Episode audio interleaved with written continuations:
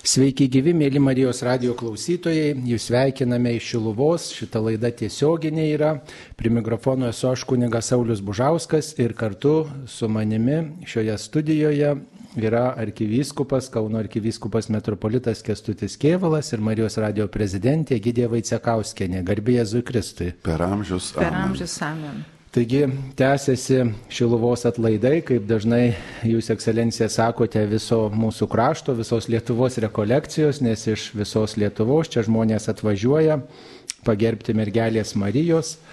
Ir um, džiaugiamės, kad galime ir mes, Marijos radijas, dalyvauti šiuose atlaiduose ir dalintis tikėjimo žinia su visais mūsų Marijos radio klausytojais. Taigi, ką galime pasakyti šiuo atlaidų proga Marijos radijui tiesioginiai laidoj? Pirmiausia, labai esu dėkingas Marijos radijo kolektyvui, visiems remėjams, savanoriams, kurie įgalina, kad Šilvos atlaidai būtų švenčiami ir šioje fiziniai vietoje Šilovoj, bet ir taip pat visoje Lietuvoje dėl Marijos radijos transliacijos, juk kiekvienas ar keliaujantis, ar net e, esantis užsienyje gali patirti tą Šilovos atlaidų nuotaiką, tą džiaugsmą, pagaliau išgirsti vėl naujai kvietimą garbinti Dievo sūnų. Tai yra šventė, tai yra mūsų tautos susitikimas, bendrystė, mes kaip tikintieji susirenkam ir vieni kitus pamatom, tai mums labai svarbu, nes tai stiprina tikėjimą, matom, kad esame didelė šeima, kad mūsų daug, kad mes esame ne vieni. Ir taip pat, aišku, ta dvasinė žinia, kuri tarsi impulsas tiems metams naujiems, kuriuos pradėjome ir mokslo metų, ir darbo sezono proga.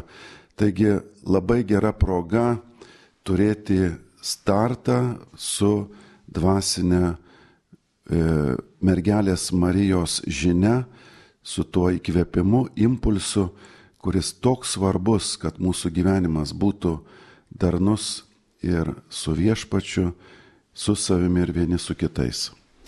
Tai dabar žodis Marijos radio prezidentė, su kokia nuotaika atvykote į Šilovos atlaidus. Mėly Marijos radio klausytojai, Labai nuoširdžiai noriu visus pasveikinti ir savanorius, ir darbuotojus, ir aukotojus su labai gražia švente Marijos mergelės, Marijos gimimo iškilme.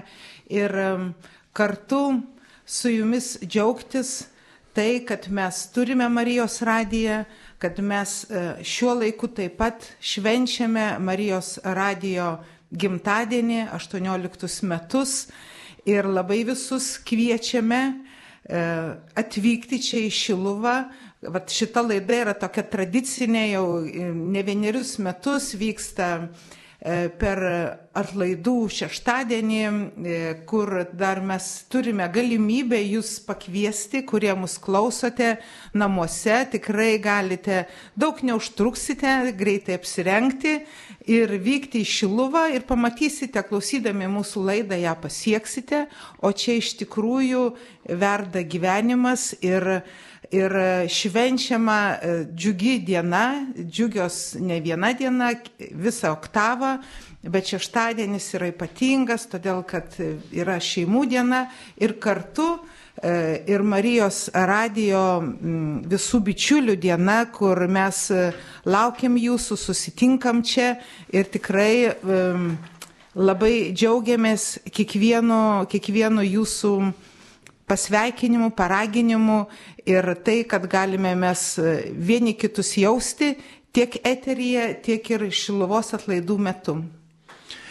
Taigi, mėly Marijos radio klausytojai, džiaugiamės, kad Marijos radijas gyvuoja 18 metų, štai kreipiasi į Jūs dieną ir naktį ir ne tik tai pamaldos įvairios yra transliuojamos, bet ir bet ir įvairios laidos yra transliuojamos ir mm, tose laidose dalyvauja įvairių žmonės. Aišku, pirmiausiai teikiama pirmenybė tikintiems žmonėms, bet kartais kviečiame ir įvairių sričių specialistus.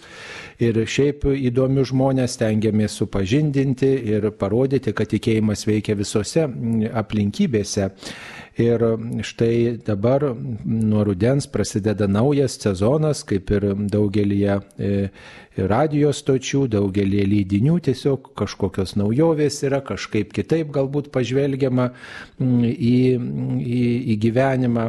E, Marijos radijas mm, šį sezoną pasitinka su tomis pačiomis laidomis, tačiau šiokių tokių atsinaujinimų taip pat mm, stengiamės įdėkti. Tai visų pirma, norime ieškoti ne, ne kaip sakant, kitos suknelės mergelėje ir laidos pavadinimo kito, bet stengiamės stengiamės e, eiti į gilumą, kad žmonės klausydamėsi Marijos radio tikrai ne, ne, neišklausytų tokios vienkartinės laidos, kažkokio paplepėjimo, bet e, kad būtų pokalbis tikrai įdomus, pokalbis gilus apie Dievą ir tikrai būtų proga galbūt ir dar ir dar tą pokalbį išklausyti ir, ir susipažinti giliau su mintimis ir pritaikyti savo gyvenime.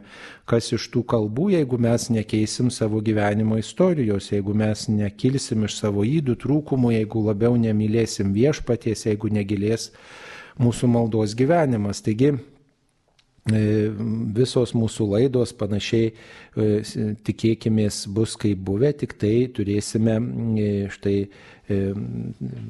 penktadienį tokia laida yra, renkuosi sutarti, joje mielai sutiko bendradarbiauti tiesiog nauji, nauji bendradarbiai ir tikrai įsipareigoti, tai mums truputėlį lengviau bus šiek tiek organizuoti tas laidas ir tiesiog tikimės, kad sutarimo padės ieškoti ir jums, mėly klausytojai, nes mums sutarimo reikia ir su Dievu, ir su kitais žmonėmis. Ir, ir taip pat mm, su savimi, nes to priešiškumo, to nerimo, tos baimės mūsų, e, mūsų visuomenė yra labai daug. E, ir reikia tos taikos, ramybės ieškoti. Beje, ir, ir Šilovos atlaidų tema tokia taikos karalienė, melski už mus. Turbūt tas taikos motyvas labai svarbus visose srityse, ar ne taip, ekscelencija? Taip, tai buvo aišku paskatinta šis e, motyvas būtent karo Ukrainoje, kadangi broliai ir seserys tikrai kenčia šiuo metu didžiulis egzaminas ir, ir labai sunkus laikas. Ir tiesą sakant, buvo ir mūsų valstybė paveikta, nes turėjom priimti didelius kiekius pabėgėlių e, karo, nuo karo baisybės. Tai natūraliai padiktuota tema, bet Ji mums primena taip pat apie taiką, kur yra ir žmogaus širdyje. Nes kai mes sakom karalienė taikos, mes kalbam taip pat ir apie žmogaus vidų, apie širdį, taip pat apie mūsų šeimas. Nes e, karas dažniausiai, pasak beros Dostojevskio, prasideda pirmiausia žmogaus širdyje, o po to tik tai matome pasiekmes jau išorėje. Tai vad mūsų širdis mūsų šeimos gali būti to karo zonos, kur tikrai reikia labai didelės Dievo malonės, kad įspręsti konfliktą, kad taika ateitų į, į, į mūsų tarpą ir aišku į mūsų pasaulį. Įdomus dalykas, kad e, popiežius Pranciškus dar keletą metų prieš karą 2020 parašo encikliką Fratelli fratelį tuti, visi esame broliai, jinai iš tikrųjų tampa tam tikrą prasme pranašiška, nes sako, kokiu būdu tautoms sugyventi kartu, ką reikia daryti, kad mes suvoktume, kad visas pasaulis yra viena šeima. Čia nėra nei rasių, nei tautybių, čia visi to pačio tikslo siekiam. Ir skirstytis pagal kažkokius parametrus, juo labiau konfliktuoti yra beprotybė nes tas pats tėvas visiems. Taigi visi esame broliai, dar viena Šilovos atlaidų tema, kuri kyla būtent iš šitos taikos prašymų, nes jeigu yra taika, mes pajuntame, kad tas bendrystės ir brolystės aspektas, nu jisai kažkaip įsiskleidžia. Ir tuo būdu labiau yra liūdėjimas Dievas. Nes kuo mažiau to konfliktas gilesnis, atrodo net Dievo balsas prityla, žmonės kančioje pradeda kvestionuoti Dievo buvimą, tai reiškia didžiulius nuostolius, kadangi žmogus gali prarasti ir tikėjimą. Tai būti bendrystės žmogumi, būti tuo, kurie neša taiką, giliausia prasme tai liūdyti Dievą arba daryti jį regimą pasaulyje. Tai bet kokia pastanga link to yra tiesiog Dievo darbas. Ir tikimės, kad šie atlaidai prisidės prie to žinios išviešinimo, meldos už taiką ir tikimės, kad duos gausių ir gražių vaisių, nes visgi Jėzaus tas paliūdimas, kad štai aš visą darau naują arba nebijokite, aš nugalėjau pasaulį, yra apie viltį.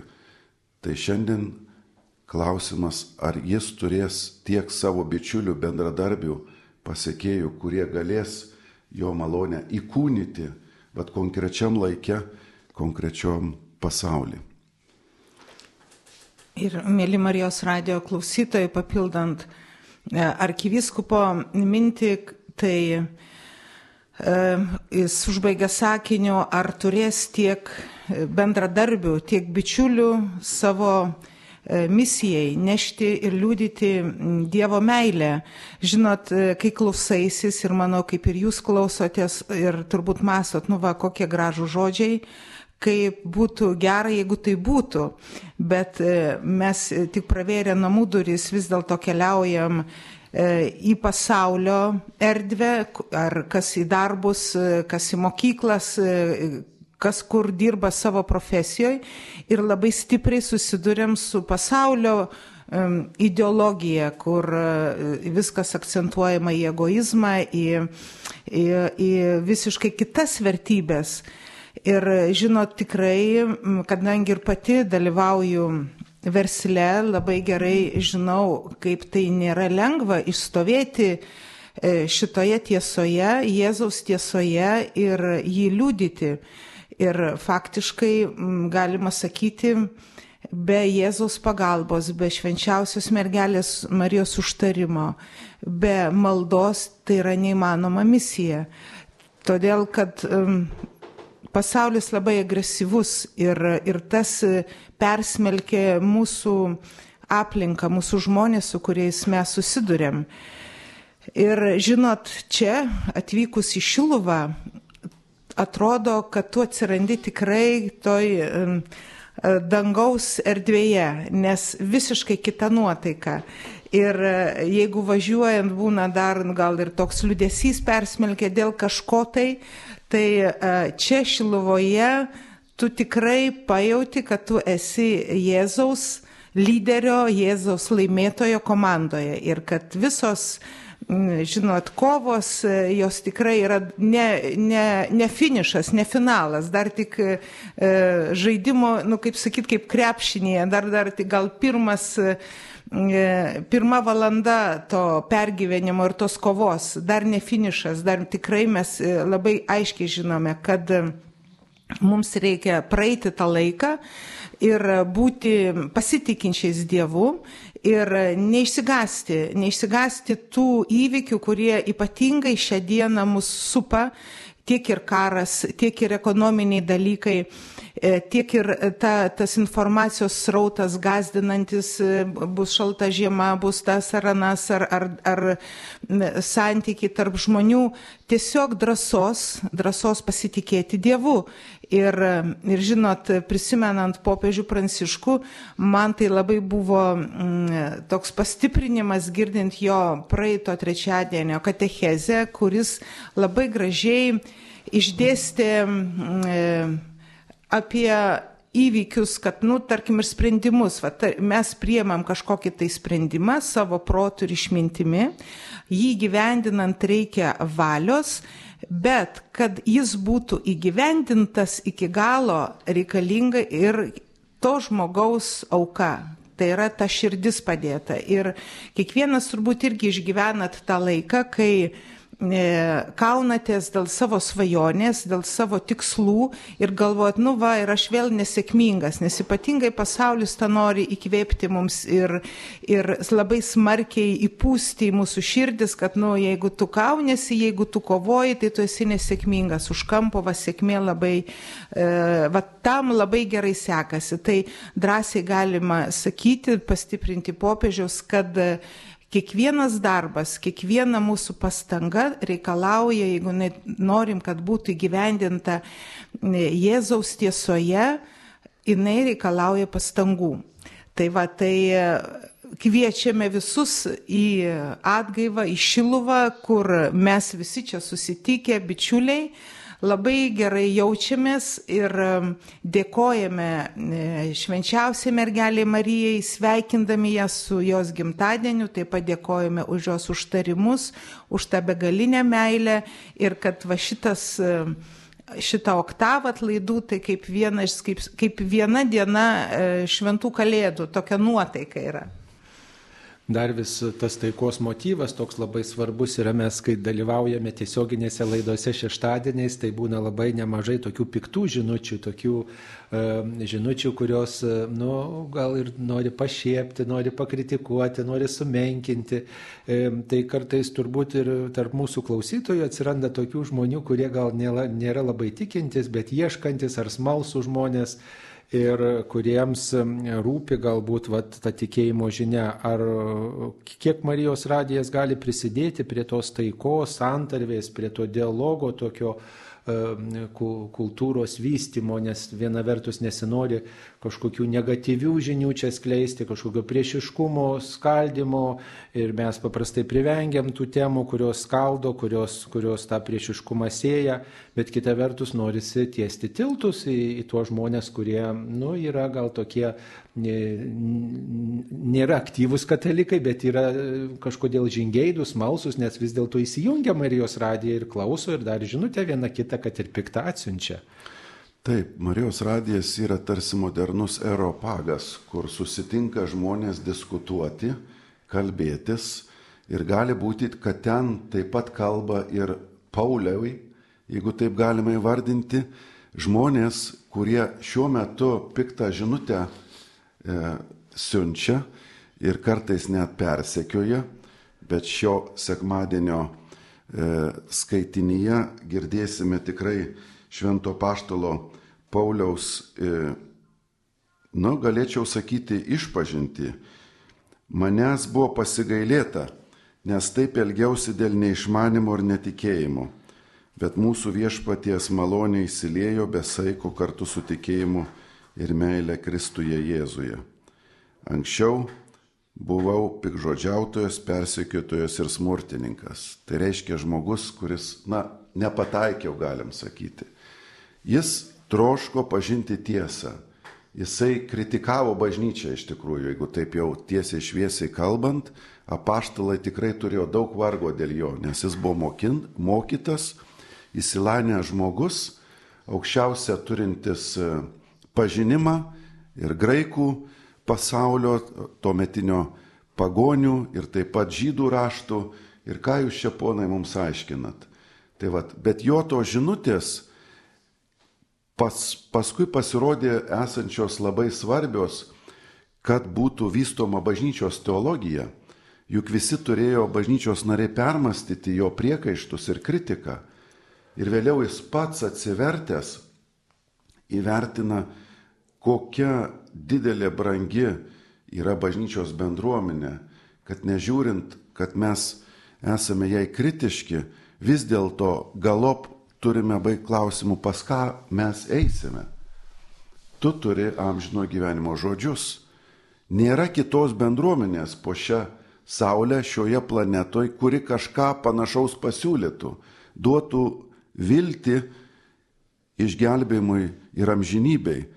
Tai net jeigu ir kritikuoja žmogus, aš jį žiūrėčiau labai rimtai, kaip tą bičiulį, kuris gali būti, kad jis yra kandidatas į apaštalą Paulių. Aišku, mums žmonėms yra labai sunku tą matyti ir Dieve mano, čia jau, sakytume, šventųjų įsiemimas jiems atleisti ir su jais kalbėti. Bet iš kitos pusės viešpats leidžia, kad jis man kalbėtų.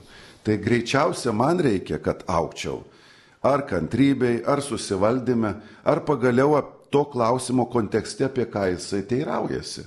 Ar tikrai esu apmastęs e, ir, ir giliai išmastęs atsakymą? Kartais mes, katalikai, na, pasitenkiname su tokiais labai greitais ir, ir sakytume, greito maisto atsakymais. Ai, tai čia išgelbėjo Jėzus, tai čia visus išganė, jeigu netikėjai į pragarą ir vienu žodžiu, kas bus pietų šiandien. Nebesigilinam, nes ir mus yra apėmusi nu paviršutiniškumo dvasia.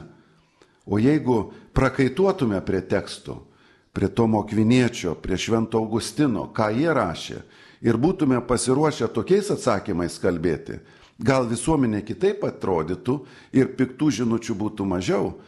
Bet ar ta visuomenė pasiruošus priimti Augustino tekstą ar Tomo Kviniečio, kur ties pirmų puslapių gal, žinot, žmogui smegenys apsiverčia? Va čia jau ne mūsų reikalas, nes mes darome, ką galime geriausio. Iš tikrųjų esame kviečiami daryti, ką galime geriausio, ieškoti pačių geriausių išvalgų, tekstų ir iš meilės ir gailestingumo padovanoti juos broliams ir seserim. Toliau, kas to iširdį darysis, jau yra viešpaties reikalas. Sėkla mesta, kaip jinai auks, yra jau ir slėpinys, ir Dievo malonė. Kai kurios sėklos, kaip žinia, krenta ant asfalto, tarp erškiečių ir panašiai. Bet 25 procentai, pasak to palyginimo, krenta į derlingą žemę. Ir jinai duoda šimterio pavaisių. Tai pranoksta visas sėklų išlaidas mestas ant asfalto ir arškiečių. Ir viena iš e, skaitomiausių knygų, ir jeigu neiti kito mokviniečio tekstų, pradėti nuo švento rašto, nuo Biblijos. Ir e, nebūtinai mes turime sakyti dabar, e, kaip pasakyti, pirmiausiai savo kieme mes tą turim pradėti daryti. Tie, kurie einame į mišes, į bažnyčią. Žinot, aš buvau labai e, maloniai nustebinta. Mano dukra Eglė dalyvavo e, fortepijono konkurse ir e, kai mokėsi muzikos mokykloje ir susipažino su ukrainietė mergina, kuri buvo protestantų tikėjimo, jai buvo 21 metai. Ir nu, aš, kaip sakyt, buvau ne kartą skaičius Bibliją ir su ją šnekėjausi kaip su lygiavertė. Nu, tiesiog mes labai gražiai šnekėjomės ir aš klausiau, iš kur tu, kiek tu laiko skiri e, švento rašto skaitimui. Ir šitas jaunas žmogus, 21 metų, ir sako, valandą, pusę, pusę valandos arba valandą kiekvieną dieną. Suprantat? Tai, tai tikrai taip va taip ir stovėjau susižavėjusi šitų jaunų žmogum. Tai dabar, jeigu mes visi tie, kurie sakome, mums rūpi ir mes rūpi tikėjimas, rūpi Jėzaus Kristaus tiesos, rūpi mylim švenčiausią mergelę Mariją. Tai žinot, aš ir savo tą patys sakau ir, ir lygiai taip pat iš šeimos narių labai noriu, kad tas būtų kasdienybė, kad mes nenueitume mėgoti, ne, neperskaitę, neskyrę laiko, ne tik, kad į mišes nueiti, bet neskyrę laiko Dievo žodžiui, nes, nu, žinot, kai pirmą kartą e, skaičiau, prisimenu, tai daug man ten buvo klausimų ir aš iš karto tada perėjau prie paštalų darbų, nes ten kažkaip viskas aiškiau man buvo.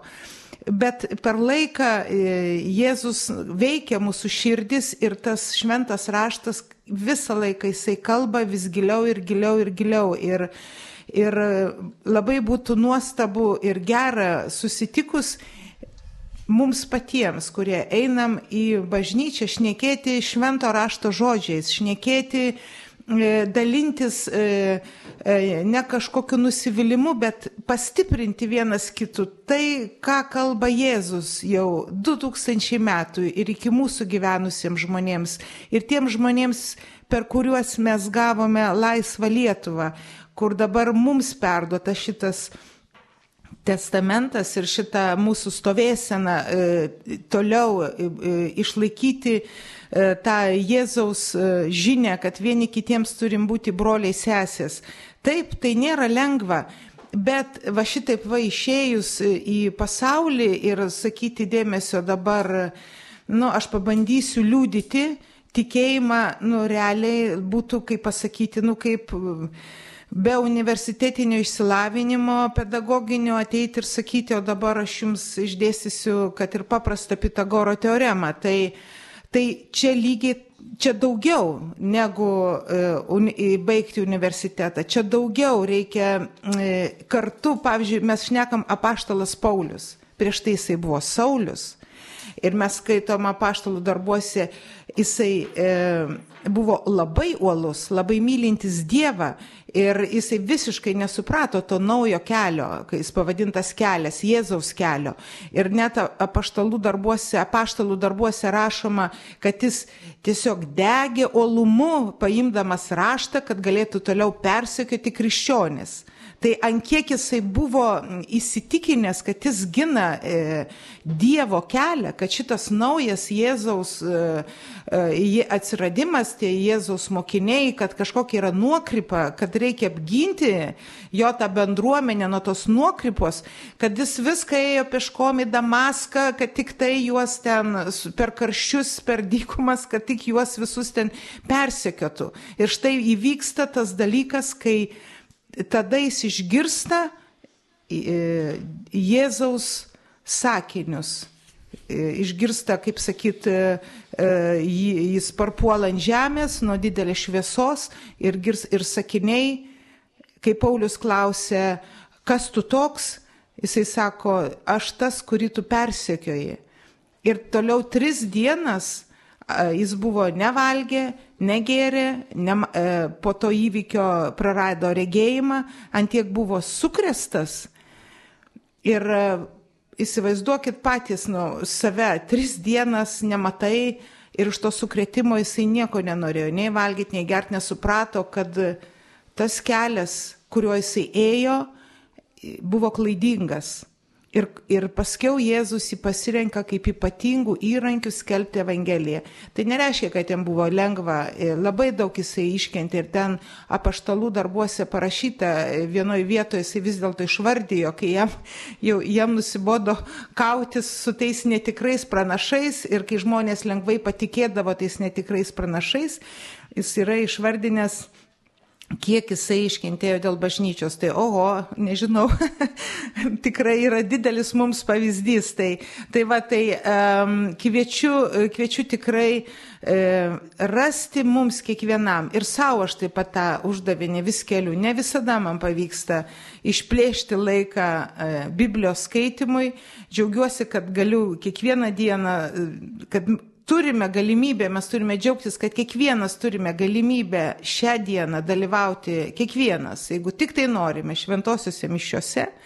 Ir tikrai kiekvienas turime suras galimybę paskaityti e, Bibliją, kuri vadinasi Dievo meilės knyga žmonėms, kur niek, nėra svarbesnės knygos. Ir jeigu jau mes turėsime žinias iš šito švento rašto, tai tai įsivaizduokite, nu, kiek mes būsime ir įdomus šalia esančiam, kiek mes būsim įdomus diskutuodami ne savo žodžiais, bet tai, ką sako šventas raštas. Dar pratesiant gerbiamos Egidijos mintį apie švento rašto skaitimo svarbą, labai norisi reklaminę pauzę, kur labai džiaugiamės e, leidinėliu Magnificat Šilovos atlaidam būtent skirtų Ir čia rasite kaip tik tekstą pavadintą dvasinis švento rašto skaitimas. Tai yra paaiškinimas, kokiu būdu skaityti šventą raštą, kad jis pradėtų kalbėti. Ir čia išryškintos keturios na, tokios skaitimo formos, etapai. Pirmasis atsivertę šventąjį raštą perskaitome kelias eilutes, vadinamas lekcijo. Tada tyliai apmastome, ką Dievas nori mums pasakyti, meditacijų. Trečias, stengiamės atsiliepti Dievui melzdamiesi, taip tesdami pokalbį su juo, oracijo. Ir ketvirtas, galiausiai kiekvienas pagal savo pašaukimą pasiliekame su juo. Meilė ir savęs dovanojimu, kontempliacijo arba perkeldami Dievo žodį į savo kasdieninį gyvenimą akcijo. Tai šį tekstą gražų rasite toj Šilovos knygelėje, kurioje taip pat pristatomi visi atlaidai, visi skaitiniai apie atlaidų e, prasme pačių bei šių metų temas ir aišku apie atlaidų labai svarbes detalės, įvykius ir vietas, kur kviečiami esam atvykti. Mūsų laida yra tiesioginė ir klausytojai siunčia įvairias žinutės. Ir štai panaši žinutė kalbėjo ekscelencija apie dvasinį skaitimą. Tai tokia kaip ir maldos forma yra. Mes e, ne tik tai melžiamės kalbėdami poterius, ne tik tai maldą skaitome iš maldynų, ne tik tai savai žodžiais melžiamės Dievui, bet galima atsiverti šventą raštą taip pat melstis. Tai yra ne tik skaitimas, bet ir maldos forma. Net ir bažnyčia suteikia visuotinius atlaidus žmogui, kuris bent pusę valandos pamaldžiai skaito šventą raštą raštą. Ir štai e, viena tokia žinutė iš mūsų klausytojų yra, kaip žinoti, ar mano malda patinka Dievui. Tai čia galbūt ir tas rašto skaitimas, ar tikrai Dievui priimtinas toks rašto skaitimas, kokį aš e, nuskaitau, praktikuoju, kaip galėtume atsakyti. Pirmiausia, brangieji, Dievui patinka jam dovanojamas laikas. Kai tu kreipi dėmesį ir padovanoju to brangaus savo ištekliaus, kuris vadinasi laikas, jau Dievui patinka. Nes jisai trokšta turėti širdį. Dabar kaip mums sekasi skaityti ir ką mes veikiam per tą dovanotą laiką, antrailio klausimo pusė. Tikrai mes lavėsim brangieji tame pokalbėje su Dievu, bet viešpats mato pirmiausia mano širdį, intenciją, ar aš noriu. Iš tikrųjų jisai viską žino apie mus ir mūsų tas vadinamas nesėkmės, nepasisekimus, skaitant ar medituojant ir melžiantis. Bet pagrindinė vis dėlto nuotaika arba ta sielos laikysena yra, ar man pavyksta susikaupti būtent ties šiuo maldos laiku. Mums, kaip žinia, šio laiko žmonėms labai tai yra sunku. Čia gali skambėti beveik keistai, nu ką jau čia nepadovanosiu kelių minučių viešpačiui, o vis dėlto pabandykit. Pamatysit, kokios pagundos ištinka, nusistatykit valandą konkrečią ir pamatysit, kiek jūs gundo įvairių dalykų būtent tą valandą nedaryti tos maldos prisėdimo.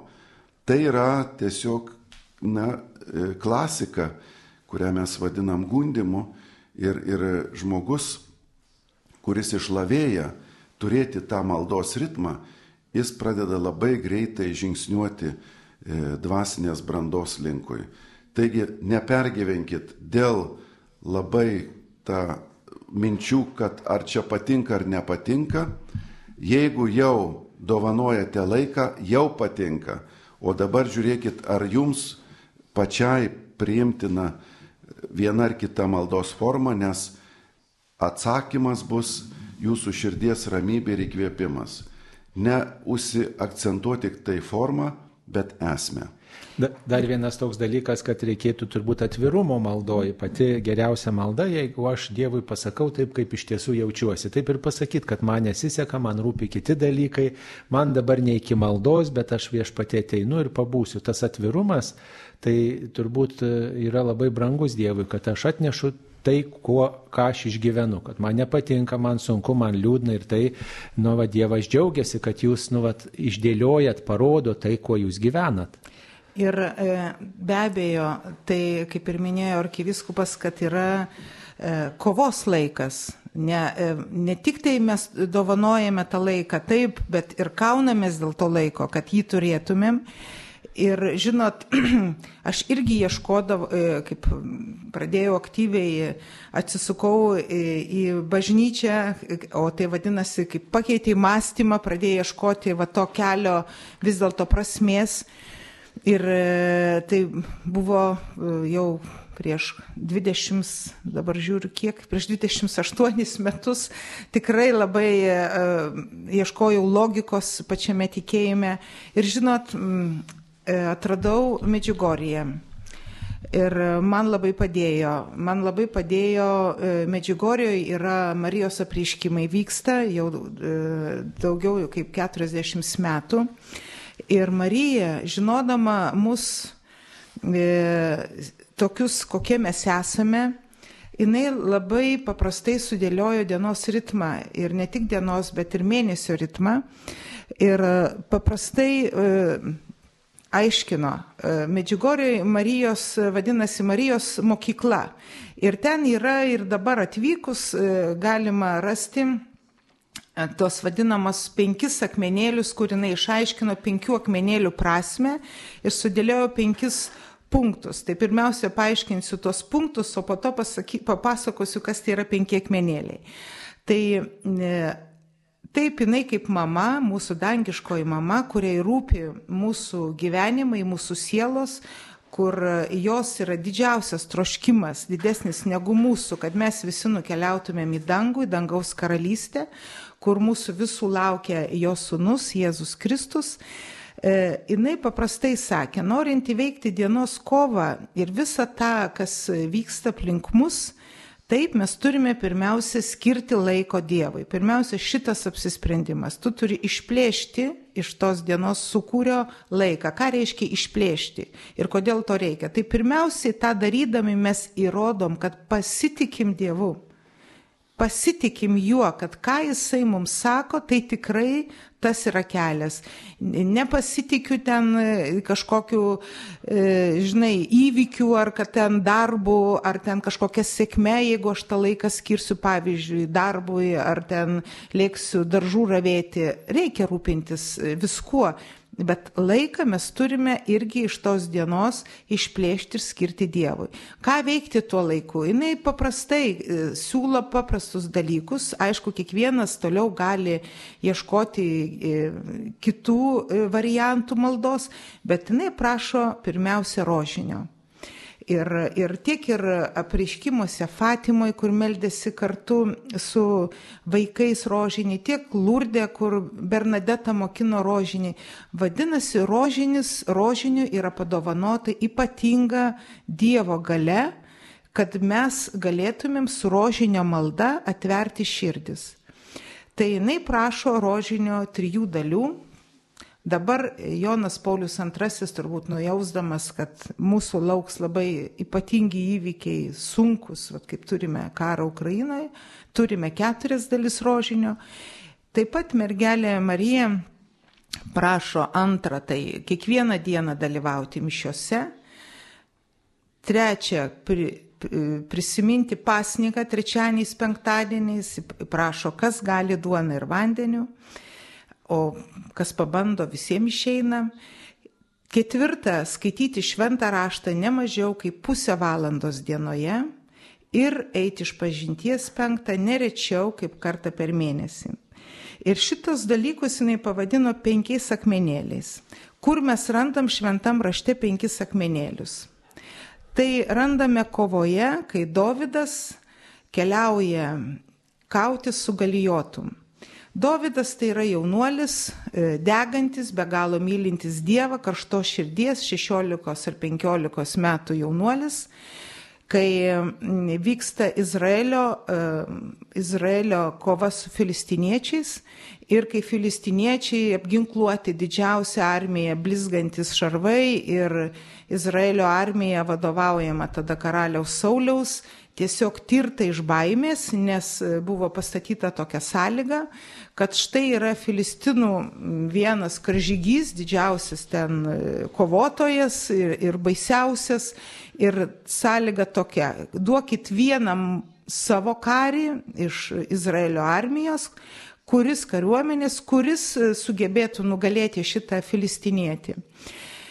Ir visa Izraelio e, kariuomenė su pačiu karaliu Saulium dreba, nes nežino, kad jau viskas mes pralaimėjom. Ir tada atsiranda Dovydas, kuris nešė maistą savo vyresniems broliams į šitą, į šitą uh, jiems pamaitinti. Ir jisai atkeliauja pasaulį, nusiteikęs ryštingai, toks jaunas, uh, ir sako, leiskit mane, aš nebijau, aš nugalėsiu, aš nieko nebijau, Dievas su manim. Aš ir liūtus įveikdavau, kai puldavo mano vis, nu va ta karšta širdis. Ir jisai išsitraukė, e, pasiėmė penkis nuglūdintus akmenėlius iš upės ir su vienu jų su svaidyklė nugali galijotą. Tiesiog su ta svaidyklė visam tam šarvuotam filistiniečiui pataiko į vieną, e, e, į kaktą, kur nebuvo jokio šalmo, Ir žodžiu, tas filistinėtis nugriūna, Saulis pribėga, nukerta galvą ir, ir, ir ta kova būna laimėta, kadangi visi kiti priešai išsilakstė. Tai kas tas filistinėtis? Nu tai yra, galime šiandieną sakyti, karas Ukrainoje, pabrangusi elektra, krizė ir visa kita, visos tos baimės, kurios krato pasaulį. Bet kas tas e, Davido akmenėlis, tai mūsų stovėsena.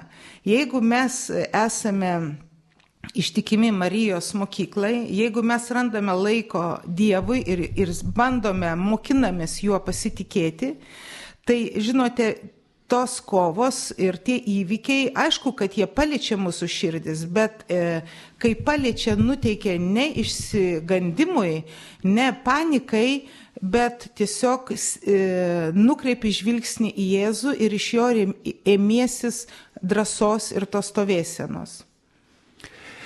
Taip, mėly Marijos radio klausytojai, e, kalbam apie maldą, nes Marijos radijas yra maldos radijas, kalbam Šiluvos atlaiduose.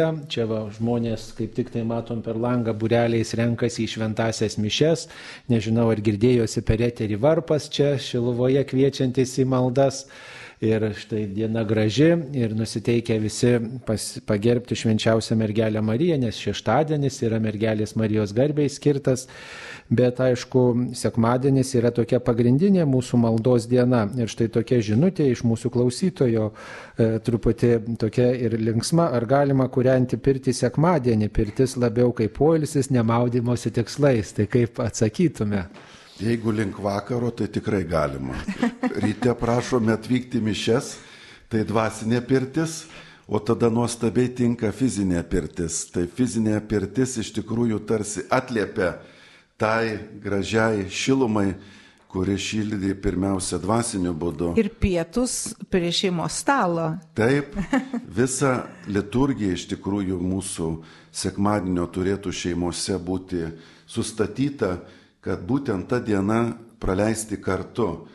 Tai ir šventų mišiauka, tai ir pietus, pabuvimas, galbūt kartu pasikalbėjimas, pasivaikščiojimas, na, o pirtis vakare tai tikrai tinka, nes jinai, na, atspindi tą šilumą, kurią patyrėme dvasiniu būdu.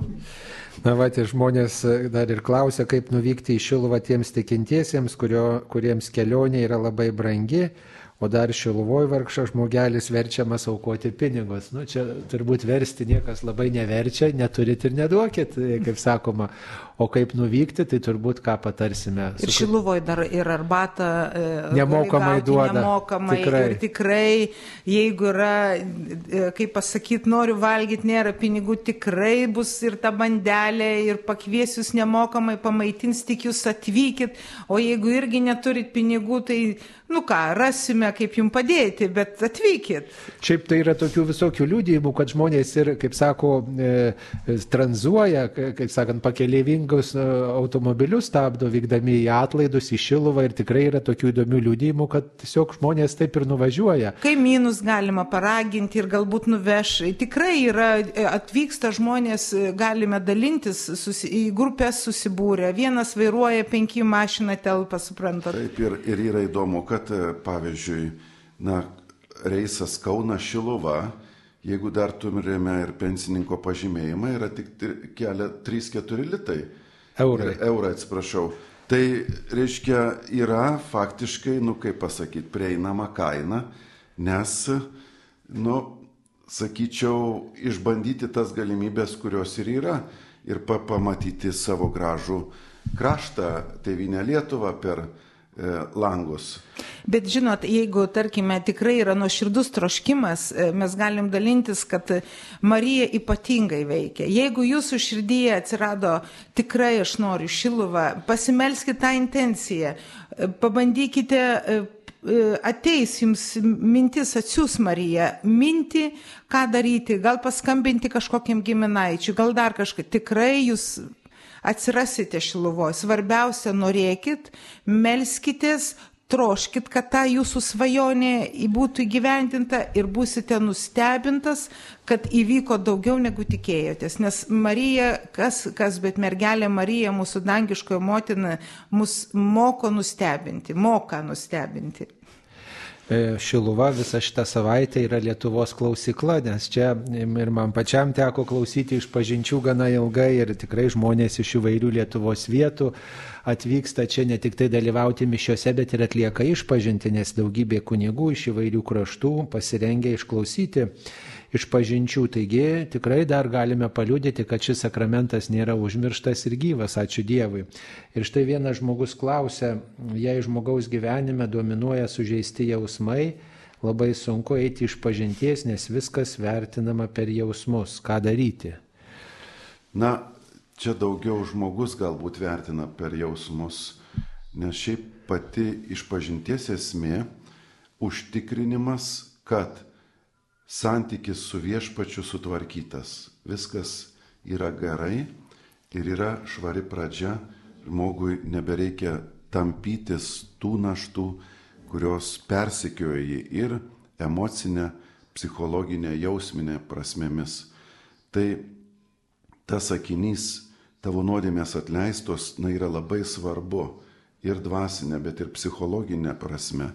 Todėl sužeisti jausmai gydomi, gydomi tiesiog šita viešpaties terapija, nes su, e, būtent išpažinties sakramentas tai yra apaštalams patikėtos Jėzaus gailestingumo tarnystės tasa. Jisai būtent juos prisikėlęs ragino, eikite ir atleiskite nuodėmės, kam bus atleistos. Tiem e, neškite ramybę. Tai reiškia, kad prisikėlimo džiaugsmą gali patirti ir dabar kiekvienas žmogus. Todėl jis būtent prisikėlęs duoda šią mums nuorodą apaštalams tarnystę, o žmogus yra kviečiamas pasinaudoti. Nes taip, mane jausmai gali būti na, gilus ir persiokiantis, bet kada aš įeinu į naują praktiką, va, kaip buvo minėta, kartą į mėnesį išpažinties, tas gyjimas garantuotas. Žmogus tikrai vieną dieną pajus, kad jo nebevargina tos senosios žaizdos, kad jis kažkaip jau širdyje turi dominuojančią pasitikėjimo Dievu ir jo gailestingumu nuotaiką. Ir uh, tai yra, jeigu žiūrėti iš pažintis, um, yra sakramentas, yra tikrai didelė Dievo dovana Jėzaus mums. E, ir kad tą e, suprasti, kad e, per išpažinti veikia per kunigą, veikia pats Jėzus Kristus. Ir aš galiu tik tai nu, pasidalinti iš savo patirties, kad, žinot, einu dažnai iš pažinties ir gaunasi taip, kad, nu, vat nepavyksta ten Ir, ir nusistačiusi ritmą nepavyksta, nusistačius aš kas savaitę ir man taip vat kažkas tai štai dešimt dienų prakeliavo, nieko aš ten atrodo didelių nuodėmių nepadariau, bet žinot, ką pastebėjau, kantrybė mano trumpėja. Nu, tarkime, jeigu kažkoks tai vat įvykis, tu gali, nu, žinai, priimti tą žmogų, nu, iškesti ten jo ar ten kažkokią negativumą ar pyktį, jeigu tik tai surėtėjai išpažintis, tu irgi užsidegi kaip degtukas. Tai labai, vat, man aiškiai, aš nu, gavau tą tokį pajutimą, kad, širdi, kad e, išpažinties sakramentas tikrai yra ypatinga Dievo dovana, kur jo prasme mes turbūt suvoksime, kai nukeliausime į dangų. O čia šioje žemėje tiesiog nu reikia daryti tai, kai ką mokina mus e, Marija, ką mokina mus Jėzus ką, per, per kunigus, kad e, reikia, kad dažnai išpažintis jinai tikrai e, Aišku, teko man sutikti kunigų, kur eini iš pažinties, pasakai, va čia buvau prieš savaitę ar dvi, tu gauni atgal atsakymą, per dažnai reikia ten kartą per mėnesį. Žinot, aš tą sakinį praleidžiu, todėl, nu, suprantat, nu, jam taip atrodo, jis, žinai, bet, bet išpažintis tikrai drąsinu, galiu tik tai kaip pasaulietė drąsinti, kad tikrai eikite ir pamatysite pokytį, ne iš karto, nu, aš bent man tai išpažintis prieš išpažinti, juk tai yra santykis su Dievu. Tu pats padarai, tu e, savo širdį klausi per maldą, kodėl tas įvykis įvyko. Pirmiausia, šitas dalykas turbūt yra labai svarbus.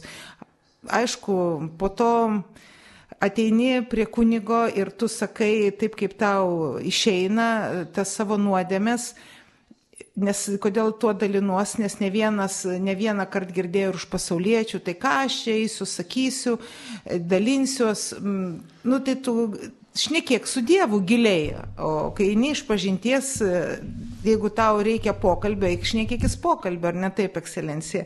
Ieškok to, to kunigo, su kuriuo tau būtų gera pasikalbėti, bet jeigu tu eini iš pažinties, nu, tai vis tiek gali paprastai sakiniais įvardinti, buvau susipykęs ar ten neiti labai smarkiai į tą gilį, jeigu aš tai jaučiu, jaučiuosi nepatogiai, bet sakramentas atgailos nu jisai veikia ir jūs pabandykit, pabandykit ir pamatysit metų pusmečio laikotarpį, save pasižiūrėkite, pokytį savo, savo širdyje ir tikrai tą pajausite.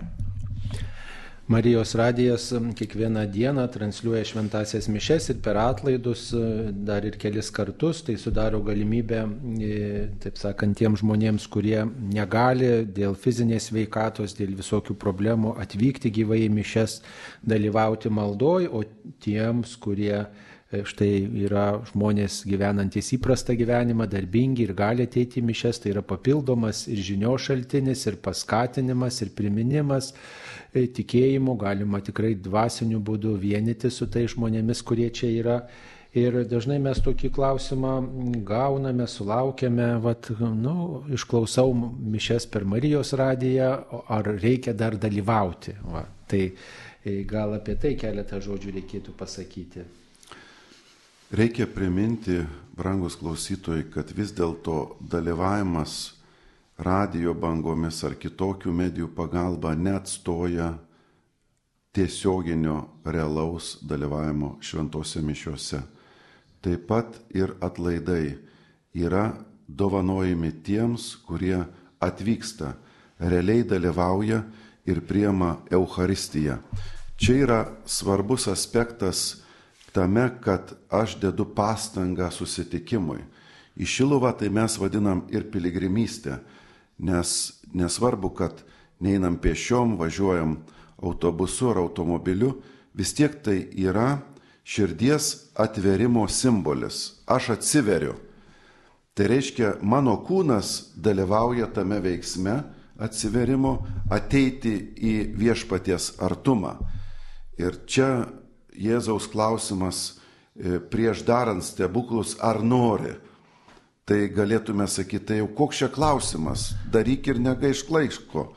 Bet vis dėlto mano sutikimo Jėzus prašo, noriu, taip. Tai va tą norą aš parodau per savo fizinį dalyvavimą. Suprantama, kad yra įvairiausių situacijų ir lygos, ir įvairios e, darbų visokiausių. Darbų situacijos, šeimų situacijos. Tai suprantame, kiek įvairiausių gali būti ištikusių trikdžių, kad žmogus negali atvykti. Tada aišku, kad mes turime šitą galimybę, kad mes dalyvaujame ir dvasiniu būdu aš vis tiek nukeliu savo mintis, būtent šiomis dienomis į Šilovą, dvasiniu būdu net priema Euharistiją. Visa tai yra labai geri susitikimo su Dievu būdai bet jis nepakeičia to realaus, to fizinio ir to, kurį mes patiriame susirinkę į šventų mišių auką draugę. Ir mes Evangelijoje turime tokią vieną labai gražią vietą, kai e, keturi draugai, e, kad susitiktų jų sergantis, e, sergantis bičiulis su Jėzumi, prie jo buvo neįmanoma prieitis, tada buvo Petro namuose, ir, ir labai daug žmonių veržėsi prie jo. E, tai jie e, išardė namo stogą, Izraelyje tada stogai plokšti yra, išardė tą stogą ir virvėmis nuleido prie Jėzaus kojų tą suparaližuotąjį. Ir, ir Jėzaus pirmiausia buvo žvilgsnis į tuos jo bičiulius, ir pamatęs jų degantį tikėjimą, jis išgydo va tą sergantį žmogų. Tai žinot, man tai šiek tiek irgi kaip e, toks e, e, žvilgsnis piešinys, kaip ir Marijos radijas, mėlyjeji jūs savo maldomis, savo mm, e, išlaikymu, savo aukomis esate tie degantis bičiuliai, kur irgi padedat e, sergančiam žmogui, kuris galbūt ir negali mm, atvykti e, dėl savo lygos, e, dėl būsenos sudėtingos, bet Dievas per jūsų visų meilę ir rūpestį padeda ir tam, kuris klausosi mišes, sergantis ir jį lygiai taip pat gydo. Ir esame ne vieną e, turėję atsiliepimą žmonių, kad e, ar vyko vidinio išgydymo pamaldos, kad buvo pasiektos jų širdis ir jautė taip pat tą Jėzaus artumą. Tai, žinot, be abejo, mes mišęs transliuojame, norėdami ypatingai prisimindami tą sergantį žmogų, tą, kuris negali atvykti, taip pat suprantam, kad yra kiti žmonės kelyje, ar jie nusiteikia atvykti kitą dieną, bet šią dieną jie įsijungia radiją ir girdi mišes ir gali taip sudalyvauti. Bet susitikimas E, mišiose ir ypatingai va čia kviečiam atvykti į Šiluvą, tą bendrystę ir kartu priemant komuniją, priemant Jėzų Kristų į savo širdį, Tai žinokit, nu tikrai e, ypatingas jausmas, todėl kad e, žmonės po komunijos, po mišių tai tiesiog e, visi spinduliuoja, broliai sesės, kiekvieną galėjai apkabinti, nu ypatingas jausmas. Ir labai visus tikrai dar yra keletą valandų likę iki mišių iš bet kurio Lietuvos kampelio, nes Šiluva yra Lietuvos centre. Iš bet kurio Lietuvos kampelio dar galite suspėti, sėskite į mašinas, važiuokit kad mes čia visi kartu išgyventumėm šitą bendrystės, brolystės jausmą. Dar panašus klausimas, e, čia e, klauso mišių viena klausytoja per Marijos radiją, bet kadangi e, gyvena viena, neturi su kuo bendrauti, sako, mesgu tuo metu, ar tai reiškia nuodėmė dirbti kažką kitą ir klausyti šventųjų mišių namuose.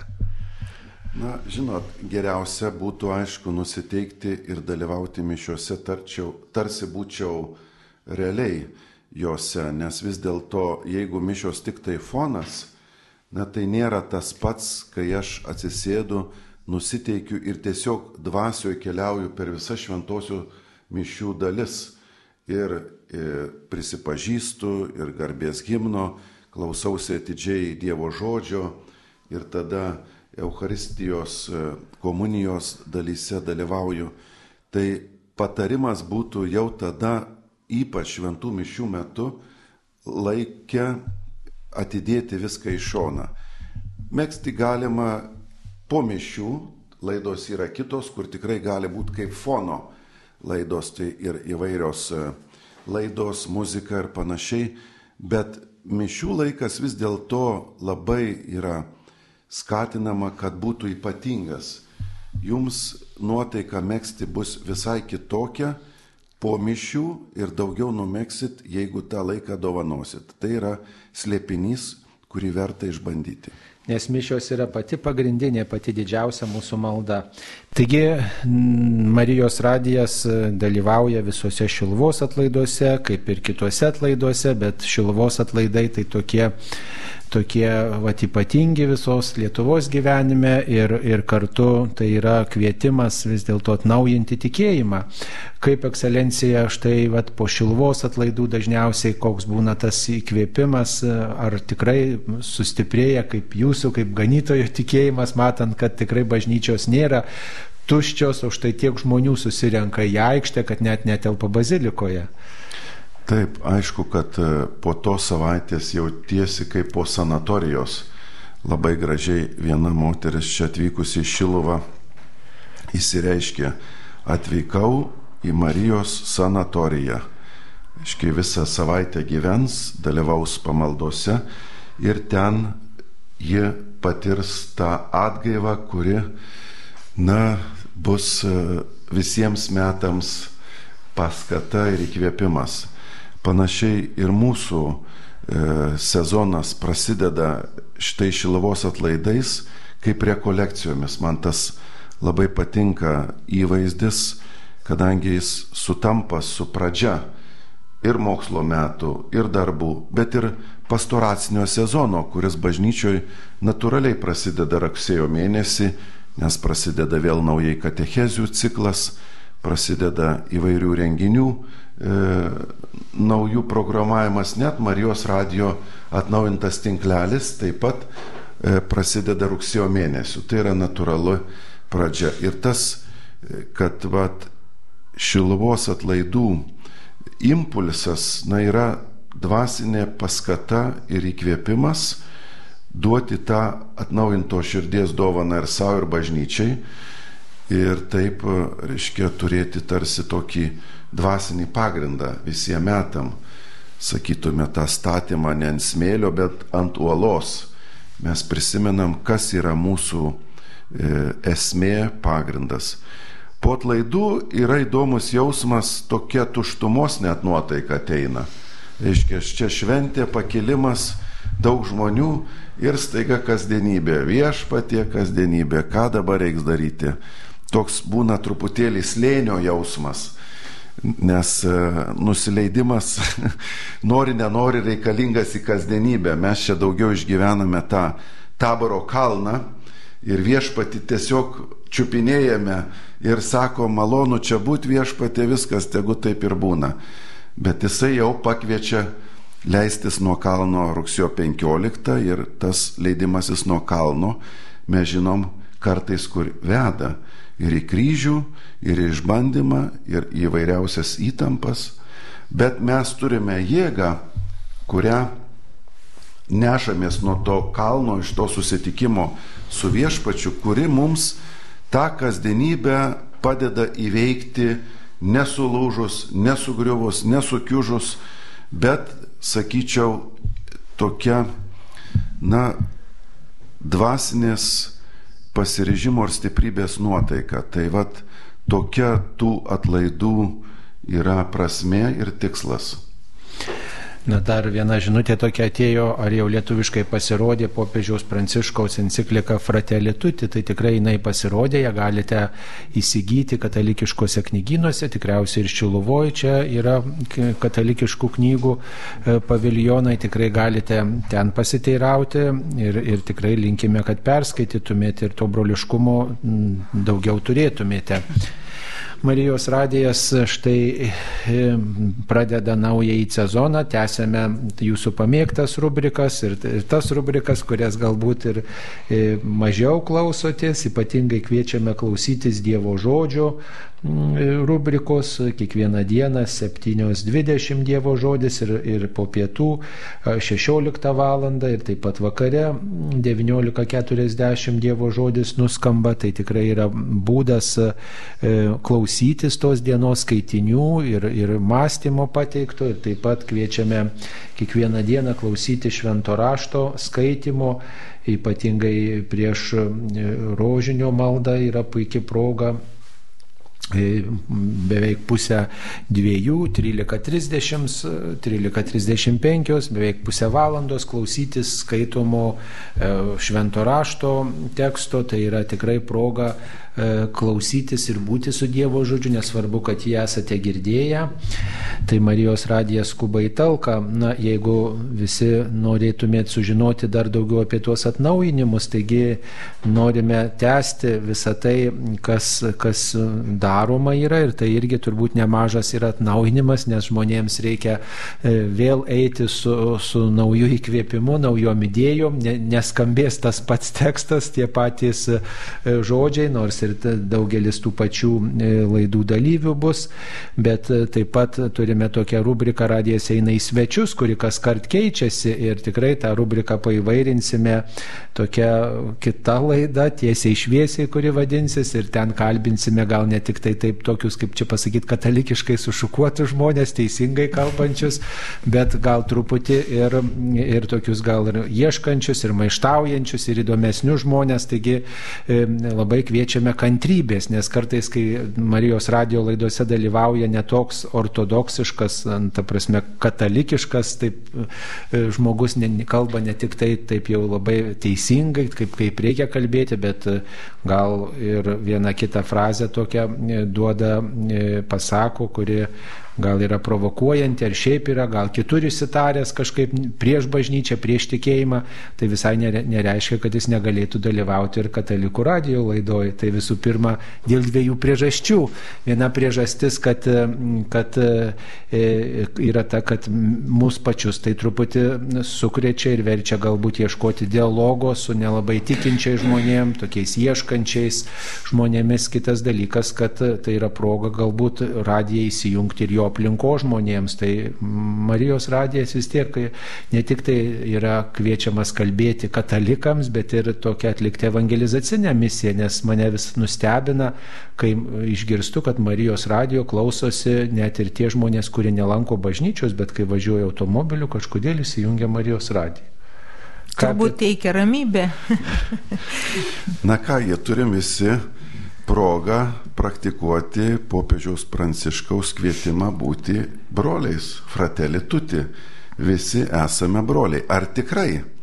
Ar galime paišklausyti žmogaus, kuris kalba galbūt kitokiais sakiniais, gal net priekaištą duoda, ar net kažkokį na, kaltinimą, ar aš galiu ramiai klausytis.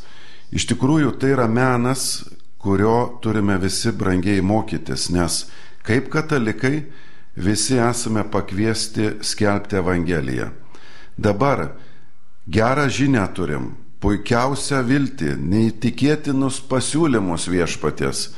Bet kaip mums sekas perduoti, jeigu aš piktas, kito nesiklausau, visiškai negaliu pakesti ten kokios kitokios nuomonės, tai kodėl manęs turėtų klausytis kas nors? Ar aš liūdiju, kad aš esu gailestingojo tėvo komandoj, ar aš esu tas, kuris galiu kitą priimti su tuo visų kitoniškumu, kurio jis turi.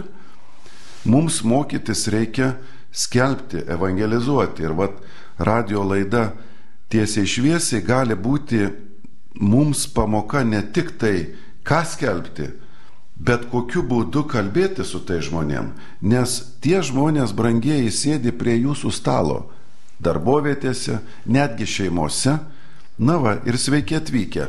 Kaip kalbėtis, kaip perduoti tą žinią. Tai čia tie broliai seserys, kurie sutiks, kaip sakai, Sauliau, nelabai galbūt susišukavę iš karto ateis į studiją.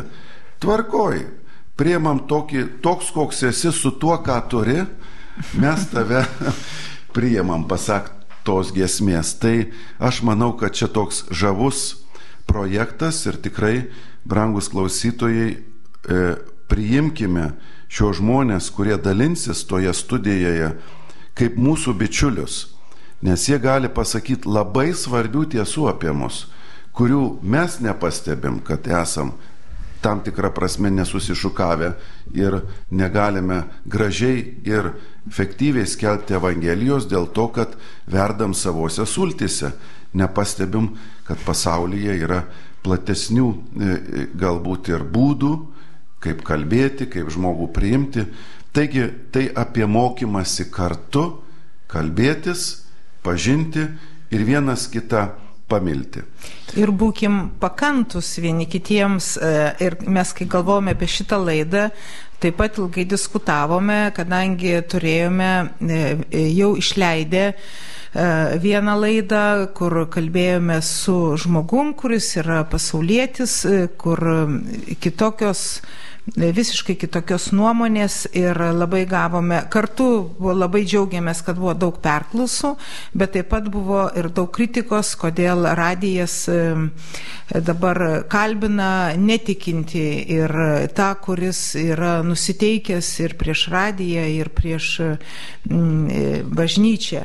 Tai žinot, mes tikrai, e, pirmiausia, kaip ir radijas, Marijos radijas, e, yra evangelizacinis radijas ir mūsų vienas iš pagrindinių tikslų yra e, taip pat kalbėtis su tai žmonėmis, nu, perduoti tą evangelizacinę žinę, taip pat ir kalbantis su jais ir išklausant jų nuomonę. Ir čia iš karto tas be abejo yra vaizdinys iš Evangelijos apie vyresnį brolį ir jaunesnį, kur vyresnis brolis buvo labai klusnus e, ir geras tėvui, o jaunesnysis ta, ieškotojas, kuris e, ir įskaudino tėvą pareikalaudamas to turto, tos savo dalies dar jam esant gyvam ir, ir paskiau lėbavo su draugais ir jį išvaistė ir galiausiai apsisprendė grįžti pas tėvą, pulti jam į, kelių, į kelius, kad nu jisai negražiai jo atsiprašyti. Ir be abejo, tėvas labai apsidžiaugė, pamatė savo sūnų, apkabino ir, ir kvietė ir iškėlė didžiausias vaišes grįžta vyresnis sunus, visas sušukuotas kaip pagal kuniga Saulių, tvarkingai, e, viską žinantis, e, visas teises ir pareigas. Ir jisai iš karto neapsidžiaugia, va ta širdis, va ta tokia, nu, va teisuolio, supranta, to vyresnio sunaus, tokio teisuolio. E, užmirštas toks gailestingumas, supranta, ir rūpėsis dėl to jaunesnio brolio. Ir jis tada grubiai šnekasi su savo tėvu, taria priekaištus, kaip tu čia drįsti atsisukti tą lėbauto, į tą blogį, e, pažiūrėk, koks aš esu geras, tu dėl manęs ir to, ir to, ir to nepadarė. Ir pasirodo jo tas gerumas, turintis irgi išskaičiavimą. Tai va, tai remiantis tą fratelį tuti e, popiežiaus encikliką, vis dėlto, kurioje jis irgi akcentuoja į dėmesio, e, ar ir Dievo žodis sako, dėmesio, tu nesišmintingesnis už šalia save esantį, Tai ir yra vat, visos tokios laidos, kurias mes norime vat, kalbinti kitaip manančius, tai yra ir kartu save patikrinti, kiek mes esame E, e, kiek mums rūpi tas žmogus, kuris kitaip galvoja. Vienas dalykas, o antras dalykas, e, kad mes pirmiausia turime mokintis kalbėti su tai žmonėmis. Ir žinot, irgi yra ta viena vat, Evangelijos vieta, kur šiandieną mes minėjome Taboro kalnas. Va čia Šiluva Taboro kalnas, nuostabu. Ir, ir vis dėlto taip pat irgi jautėsi Petras su kitais Jokūbu ir Jono ant to kalno kad o kaip gera būti, pasilikim čia, bet Jėzus sako, o dabar leiskime žemyn nuo kalno. Ir nusileidę žemyn nuo kalno, ką jie sutinka? sutinka didžiausią samišį, e, triukšmą, e, nes mokiniai neišgydo ten žmogaus, kuris ten grūna, serga sunkiausia lyga, velnio apsėstas ir taip toliau. Priekaištus, kas čia ta, tai man žinot, kažkur panašu pandemija mūsų, žinai, daug triukšmo, daug priekaištų, e, pasimetimo ir Jėzus prieina, išgydo, Ir vakare mokiniai klausė, sako, kodėl mums nepavyko. Ir Jėzaus atsakymas ne tas, kad, ei, dėmesio, ten jau tas, tai kur sirgo, tai jisai čia buvo mane pamiršęs ir jo tėvas protėviai, aš jiems nerūpėjau, jie ėjo šunkeliais, netoks jo buvo atsakymas. Jo atsakymas buvo paprastas. Jam pagelbėti galima malda ir pasniku. Kad štai tu mielas tikintysis, jeigu tu nori padėti šalia esančiam ir jisai kitaip galvoja arba jisai tave erzina, tai pirmiausia turime pradėti nuo savęs, nuo maldos pasniko. O žinot, Dabar yra atsiradusi nauja knyga Insinus Jėzus prie Jėzaus krūtinės, kur yra išleista katalikų pasaulio. Yra, mes turime Faustinos dienoraštį, tai yra Faustinos pokalbį mistinį su Jėzumi, o šita knyga tai yra e, vienuolio kunigo pokalbis su Jėzumi, kuris ypatingai kviečia e, e, adoracijai ir ypatingai naktiniai adoracijai, kur naktinė adoracija Jėzaus žinioje atitinka šitą maldos ir pasniko e, veiksmą, atliepą, stiprybę, tai galime irgi pasidžiaugti, kad mes e, Šiluvoje jau ne vienerius metus, jau devynerius metus, kaip organizuojame Marijos radijas naktinės adoracijas ir jau vieną turėjome, pasitikdami Marijos gimtadienį iš 7-8 ir dar turėsime dviejas naktinės adoracijas, į kurias labai visus kviečiame atvykti. Tai yra šį šeštadienį prasidedantį e, nuo 22 valandos po šviesos kelio e, nuo 22, kuri vyks iki ryto. 7 ryte užsibaigs mišiomis ir tradicinė, jau kur antrus metus kaip transliuojame, iš 12 į 13, pasitinkant ir pažymint Fatimos Marijos apreiškimo dieną ir iš 12 į 13 dieną taip pat bus transliuojama naktinė adoracija. Tai labai kviečiame šiai maldai, kas negalit junkitės per eterį, bet pirmiausiai kviečiame atvykti čia į baziliką, į atlaidus ir, ir švesti juos ir dieną, ir naktį. Taigi, ekscelencija Marijos radijas, jūs ir dirbote Marijos radijų programų direktoriumi ir iš vidaus radiją pažįstate ir dabar dalyvaujate ir laidose ir turbūt gal keliaujate per Lietuvą, betraujat su viskupais, kunigais, su pasauliečiais, kokią reikšmę Lietuvos žmonių tikėjimui turi Marijos radijo laidos. Vienareikšmiškai Marijos radijas yra vienas iš įspūdingiausių ir efektyviausių instrumentų Lietuvos katalikų bažnyčios evangelizacijos darbe. Ta turime e, tikrai kaip patirtį jau dabar, nes visgi 18 metų tai ilgas laikas, kuris davė labai gražių vaisių, ką mes matome bendro darbo rezultatų, ne tik tai programos, kuri jau yra išvystyta iki to, kad transliuoja gyvai ne tik tai dieną, bet net ir naktį, ir tuo pačiu pastatytas pastatas naujas, kuris buvo atidarytas šiais metais, pašventinant koplyčią.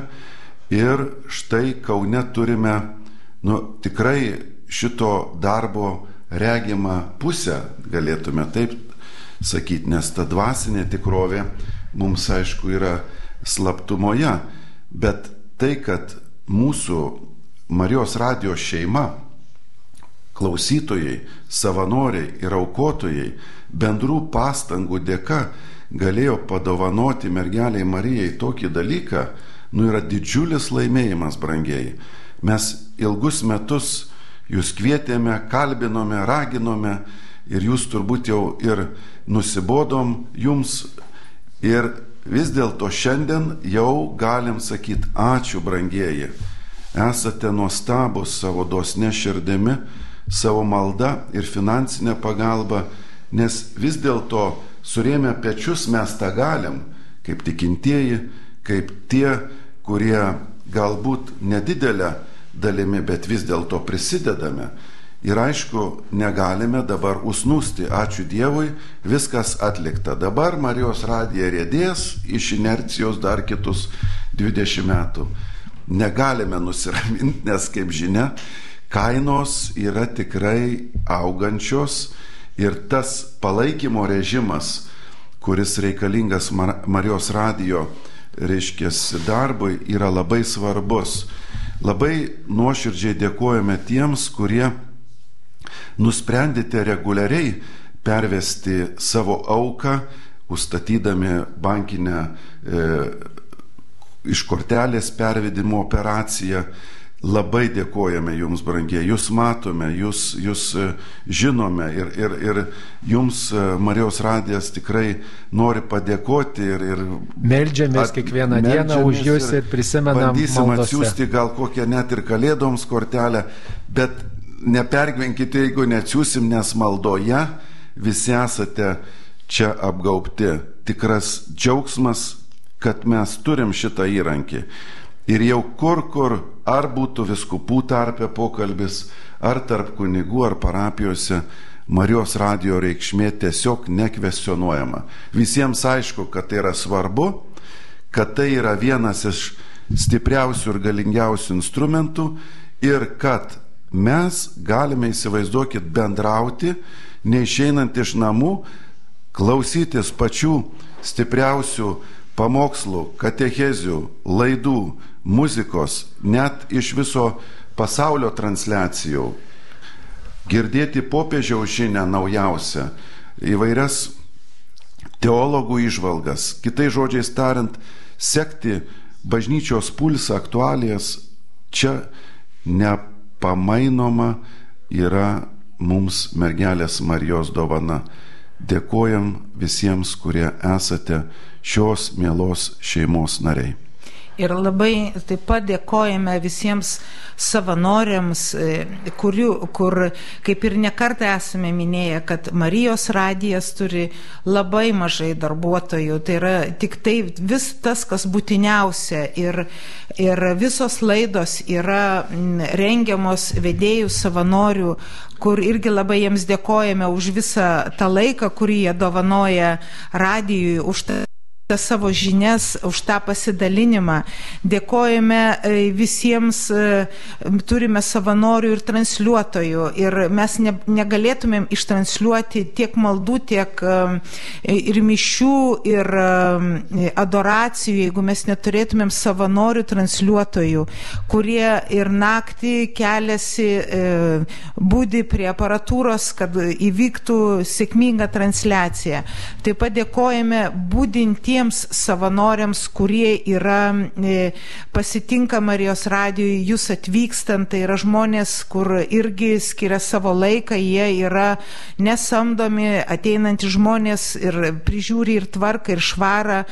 Taip pat yra adoruotojai, kuriuos jūs, e, e, e, kur sutinkate koplyčioje mūsų, pas mus vyksta adoracija kiekvieną dieną naujoje koplyčioje. Labai kviečiame visus atvykti, pasižiūrėti, sudalyvauti, kartu melstis. Ir adoracija vyksta kiekvieną dieną nuo 9 ryto iki 9 vakaro. Tikrai visi būsit laukiami ir sutikti.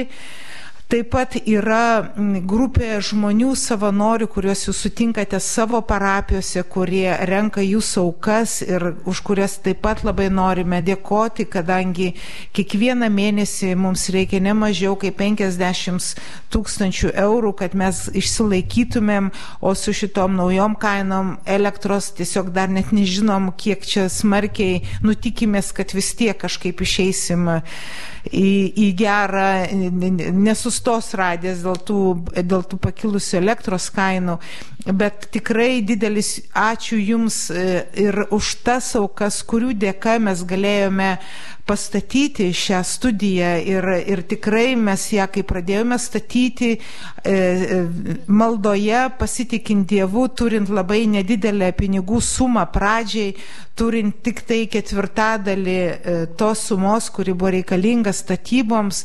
Ir žinot, ir jūsų atliepas, jūsų širdžių dosnumas tiesiog nustebėtinas ir e, netikėtas. E, atrodo, nu va, jau nežinai, kaip čia toliau bus, vis tiek tu darai tuos projektus į priekį ir štai atsiranda dosnus aukotojas, atneša sumą, klausi, kokia pavardė, jisai padeda pinigus ant stalo, nereikia, aš čia man mano auka net nepalieka savo adreso, turėjom ir tokius, tai, tai tikrai galime džiaugtis dabar nauja studija. Aišku, mūsų operatoriams kol kas yra didelis iššūkis įsisavinti šitą visą naują aparatūrą, nes projektuodami ir statydami galvojome ne apie vienerius metus, o kad e, tarnautų įranga e, ke, e, dešimtmečiui, nes į technika, radiotechnika, jinai nesikeičia taip, taip greitai kaip kompiuterinė visa įranga. Ir, e, ir tikrai e, turėsime ir turime naują, naują pastatą, naujas studijas, naujas įrangas, kur dėkojame, dėkojame ir dėkojame dar kartą tikrai jums. O pats radijas, aišku, telkianti žmonės ir Ir kartu turime būrį didelį kunigų, kurie kiekvieną dieną įrašo ir homilijas, ir, ir katechezės veda. Ir pats mūsų radijas kaip meldžiasi už kunigus ir ačiū, mėlyjeji, jums už šitą meilę, kurią mes irgi jaučiame, meilę kunigams, už jūsų labai stiprų supratimą, kad e, mes neprieitumėm prie šitų Jėzaus e, dovanų, prie šitų paliktų sakramentų, jeigu neturėtumėm kunigų, per kuriuos mes juos gauname. Ir ačiū už jūsų maldas, už kunigus. Melskitės ir toliau. Marijos radijas ypatingai myli kunigus, ypatingai myli ganytojus, meldžiasi už juos ir, ir linki ir jiems ir sveikatos, ir dvasinės, ir kūno sveikatos, kad jie turėtų jėgos mums toliau būti su mumis, mums patarnauti, kad e, mes turėtumėm e, kunigų, kad turėtumėm pašaukimų Tad melskimės ypatingai už pašaukimus ir, ir kiekvienas sukalbėkime maldą už pašaukimus, rožinį už pašaukimus kiekvieną dieną, nes e, labai reikalingi, reikalingi reikalingi kunigai tam, kad mus vestų, mus vestų šitą dangaus karalystę, kurią mums pažadėjo viešpats, kur Marija rodo kelią. Tad visus kviečiame jungtis į šitas mūsų bendras maldas, ypatingai Šiluvoje.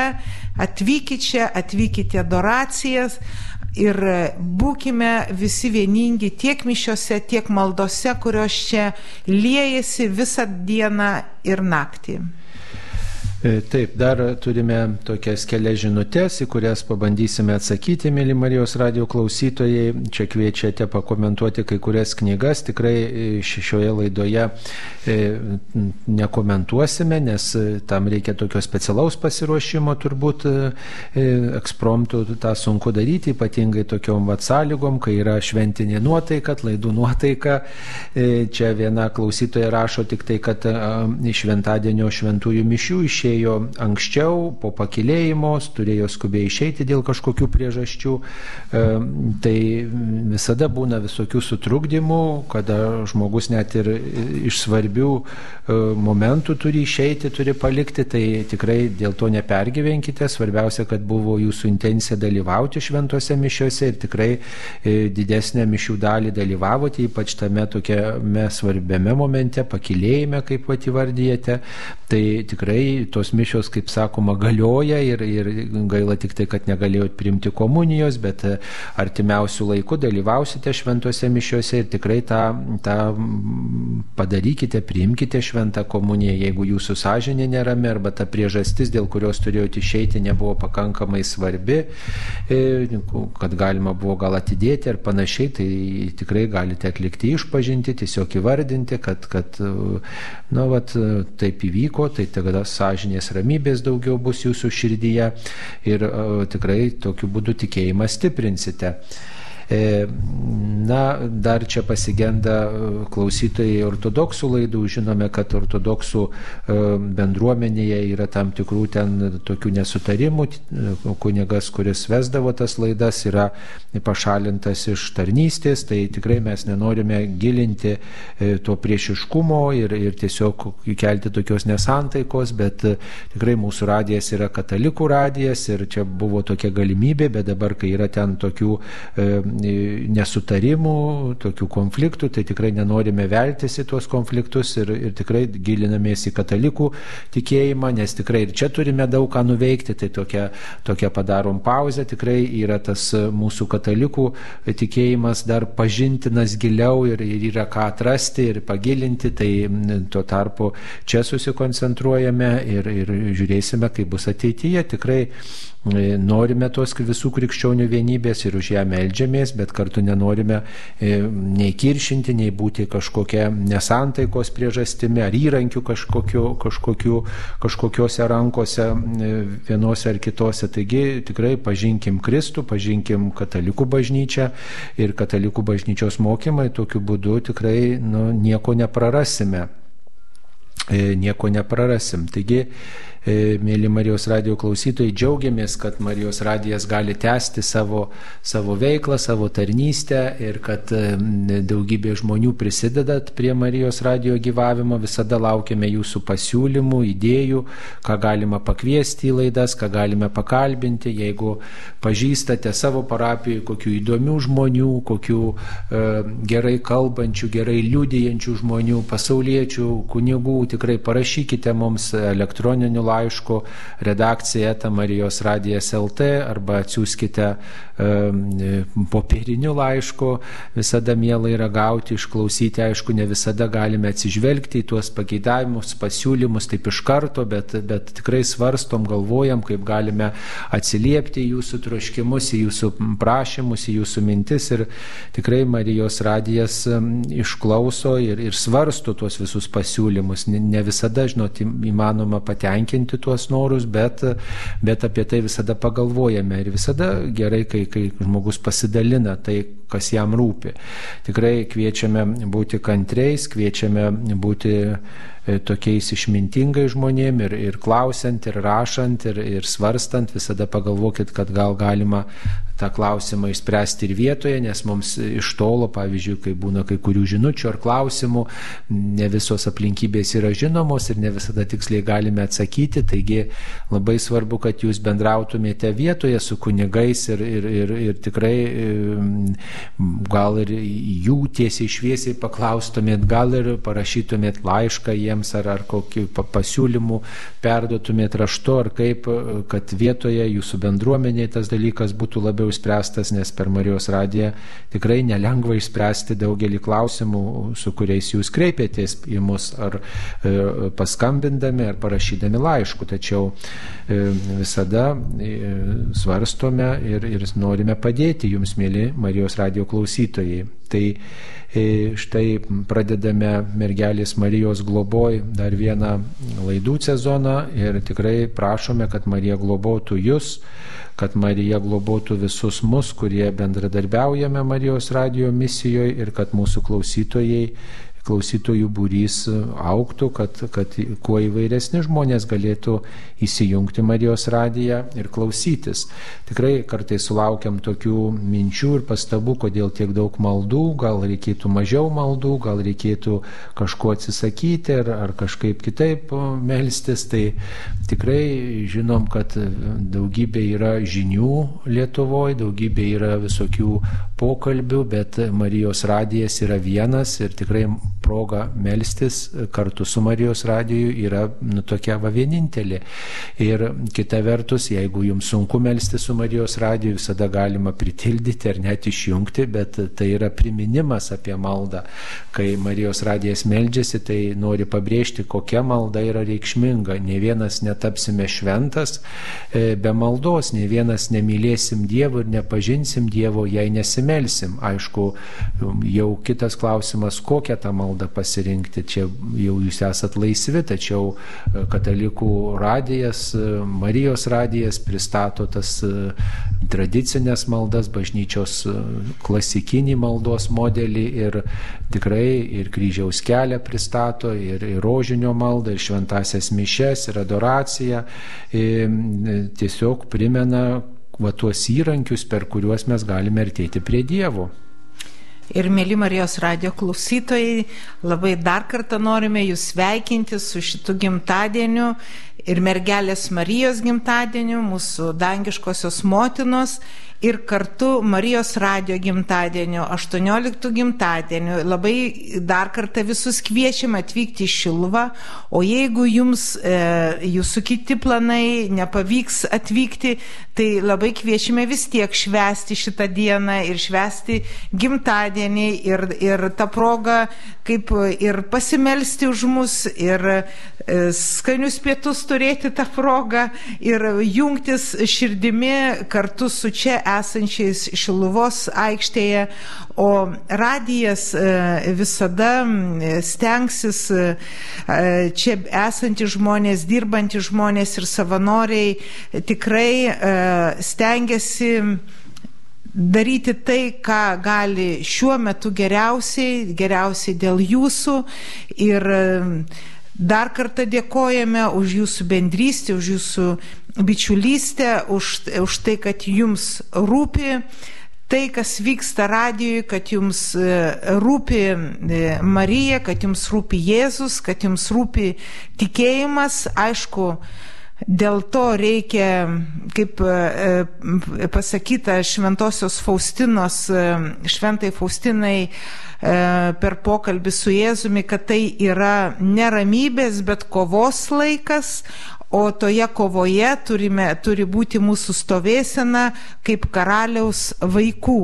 Tai ir noriu visus karaliaus vaikus dar kartą sveikinti, E, džiaugtis su jumis kartu, kad mes turime tokią didelę dangaus dovaną, kuri reiškia iš tikrųjų labai tokį stiprų žvilgsnį į Lietuvą, į Lietuvo žemę, kad mes turime ne tik tai, kad Marijos apreiškimą e, Lietuvoje, kur jos kojos lietė Lietuvos žemę, kur dangus yra e, atsivėręs, buvo atsivėręs, bet mes sakom ir čia jausdami, kad ir yra atsivėręs savo malonėmis čia atvykstantiems žmonėms, bet taip pat ir turime didelę e, dangaus dovaną Marijos radiją, kur tikrai e, visi tą jaučiame, kaip mus telkia į, į, ir, ir leidžia pajausti, kad esame kaip broliai sesės ir kad esame viename, kad ne vieno nėra vienišo, kad tas, kuris yra klausosi radio, jisai tikrai nėra, jeigu ir vienas ir sergantis, tikrai jisai nėra vienas, jisai yra apkabintas mūsų maldų ir mūsų širdis apkabina tų žmonių širdis, kurie dėl lygos ar dėl kažkokių priežasčių negali atvykti. Tad Būkime vienybėje, būkime vienybėje maldoje, būkime vienybėje e, visose transliacijose, kurios vyksta per Marijos radiją ir gyvuokime visi toliau, e, padėkime, aišku, kas gali auka, nes e, reikalinga ir jūsų auka, kad mes galėtumėm e, toliau gyvuoti ir apmokėti sąskaitas. Na, čia panašus klausimas yra apie aukas. Štai reikia daugiau kaip 50 tūkstančių mėnesio, mėnesių tam, kad išlaikytume Marijos radiją. Tai kaip kitos radijos stotys save išlaiko ir neprašo jokių aukų. Tai aišku, kitos radijos stotys turi e, reklamos e, intarpus, reklamuoja įvairius dalykus, turi tokius solidžius remėjus ar savininkus, kurie, kurie finansuoja Marijos kurie finansuoja tos radijos veik, radio veiklą ir programas, o štai Marijos radijas Lietuvoje, panašiai kaip ir kitose šalyse, gyvuoja tik tai iš žmonių aukų. Mes neturim nei, nei reklamos, nei nepriimam kažkokios kitos tokios paramos, kuri būtų kažkokia suinteresuota ir tikrai tie, kurie klauso, tie mus ir išlaiko. Taip yra visame pasaulyje su Marijos radiju, taip yra ir Lietuvoje. Jeigu žmonėms reikia tokio radijo, jie prie to prisideda. Jeigu nereikės, tai neprisidės. Ir nebus tada mažiau. Jeigu žmonės nori melsis, nori auginti savo tikėjimą, nori, nori būti padrasinti, įkvėpti, tai jie prie to prisideda, tai yra natūralu, taip yra visame pasaulyje, taip yra ir pas mus. Ir tai tiesiog šitas Marijos radio projektas, e, jis ypatingai liūdėja Dievo veikimą žemėje, kadangi e, trumpai mes galim pasakyti, kad Marijos e, radijas veikia penkiose kontinentuose, yra 80 daugiau kaip 80 e, stočių Marijos radio ir, ir ypatingai dabar jisai plečiasi Pietų Amerikoje, Afrikoje ir e, mes taip pat kaip mūsų radijas irgi kartą metuose organizuojami yra marietonai, kaip ir visame pasaulyje, kur renkami pinigai būtent Marijos radio misijai ir, ir įdomiausiai tai, kad iš mūsų, kaip visada, nu, kaip sakyti, pagrindinius darbus vis tiek dangus padaro. Mūsų reikalas organizuoti, kreiptis, prašyti ir, tarkim, at, ypatingai liūdimai per marietonus, kur mes e, visas Marijos radijos šeima, tarkim, surenka e, sumas, kurios vis kasmet auga, išsikeliam tikslus nusurinkti 30 ar 40 procentų daugiau negu praeitais metais, nes tam, kad galėtumėm kitose šalyse įkurti radijos stotis, kurios yra tikrai pačios nepajėgios ar padėti joms išsilaikyti. Nu, atrodo nerealus augimas, kai aplinkui dar noras surinkti nerealus, surinkti daugiau pinigų, 40 procentų, kaip aplinkui krizės ar pandemijos, bet um, visos Marijos radijos stotis tengiasi ir, ir labai, kaip pasakyti, dangus lepina mus ir mes surenkam tą pinigų sumą, kai pasižiūrim per visas stotis, e, sudedam suaukotas sumas, surenkam tą sumą ir aišku, jinai tais pačiais metais yra išdalinama e, tam, kad toliau plėstųsi radijas. Antras dalykas, visur radijas veikia pagrindę savanorių iniciatyvą, e, samdomų darbuotojų yra labai nedaug ir irgi tai rodo, kad Marijos radijas labai telkintis žmonės e, su įvairiais gabumais ir gebėjimais e, į tarnystę, į tarnystę padėti kitam. Tai tikrai didelė dovana visam pasauliui Marijos radijas, nes jo gyvavimas e, ir pradžia prasidėjo Medžiugorijoje nuo vieno verslininko, italo verslininko e, tokio klausimo, kuo aš galėčiau būti naudingas, Marija, kuo aš galėčiau būti naudingas, jau viskas verslus atidaviau vaikams, aš noriu tarnauti. Ir jisai sekančius 30 metų tikrai buvo pilnas tarnystė, buvo Marijos radio prezidentas, šviesiai atmintis jam, prieš metus jis iškeliavo į dangaus karalystę, bet e, visą tą laiką jisai tarnavo radijui, važinėdamas po visą pasaulį pasaulį steigdamas, e, o kartu tokį sukūręs tandemą su kunigu tėvu Livijo, kuris ir dabar yra kaip dvasios e, e, Marijos radio dvasios tėvas ir kartu Italijos radio programų direktorius tėvas Livijo, kur jų šitas dviejų žmonių tandemas ir pradėjo pradžią atsirasti Marijos radijui, po to plėtėsi radijas ir buvo galimybė padėti Lietuvai ir padėjo, tada buvo eurai, ne eurai, o litai, mums buvo paukota daugiau kaip milijonas litų, kad Marijos radijas pradėtų veikti Lietuvoje. Tai va, tai jeigu taip trumpai, e, šitas projektas tai yra tikrai dangaus projektas, o mes tik tai esame tie, kurie atsiliepiam į Marijos kvietimą ir stengiamės daryti tai, ką galime geriausiai atsiliepdami į šitą pakvietimą. Taigi, mėly Marijos radio klausytojai, dėkojame Jums, kad buvote šią valandėlę su mumis. E, tikrai e, džiaugiamės, kad Jūs e, klausotės mūsų, kad palaikote Marijos radiją ir kad bendradarbiaujate su mumis. Ačiū visiems savanoriams, darbuotojams, ačiū visiems aukotojams, ačiū visiems maldininkams, visiems, visiems, kam rūpi Marijos radijas ir Jums klausytojai, kuriems kalbame kurie klausote, kurie reaguojate. Atsiprašom, kad negalime e, atsakyti visus jūsų klausimus, visas žinutes ir atsiprašome už tuos trikdžius, kuriuos dar kartais girdite per Marijos radiją. Tikrai e, šaliname juos, dirba komanda ir tikrai tikimės, kad ateityje kuo sklandžiausiai bendradarbiausime. Taigi viešpats te laimina ir mergelį Mariją te globoja. Šioje laidoje jums kalbėjo Kauno arkivyskupas metropolitas Kes Kestutis Kievalas, Marijos radio prezidentė Gidė Vaicekauskinė ir prie mikrofono buvau taip pat aš, kunigas Saulis Bužauskas. Būkite palaiminti, ačiū, sudė. Sudė.